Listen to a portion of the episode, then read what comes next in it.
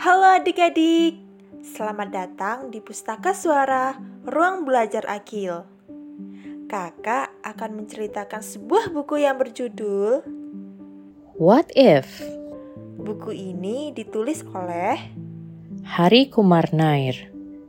diilustrasikan oleh, Hari Kumar Nair, dan diterbitkan oleh. Pratham Books.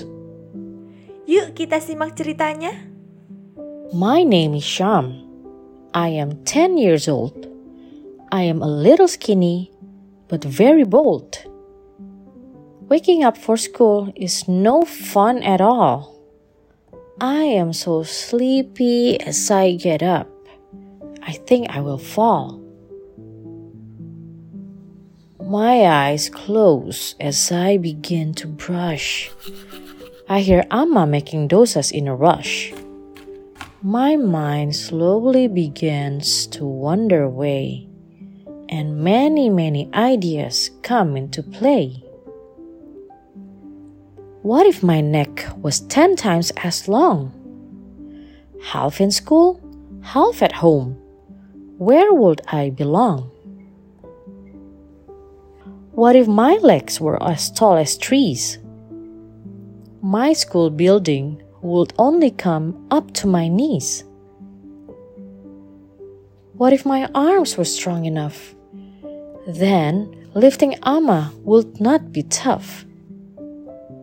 What if there was nothing too hard for my teeth? Think of all the things I could eat.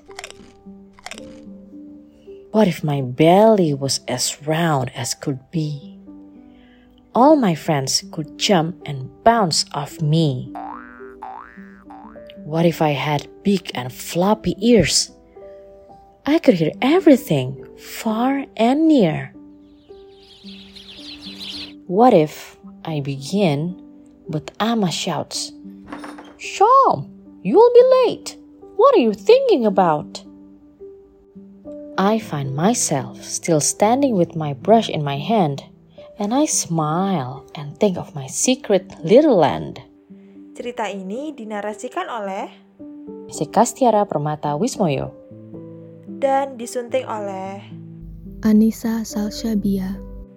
Buku Suara adalah program alih media buku anak yang diinisiasi oleh Ruang Belajar Akil guna memberikan alternatif media belajar bagi yang membutuhkan.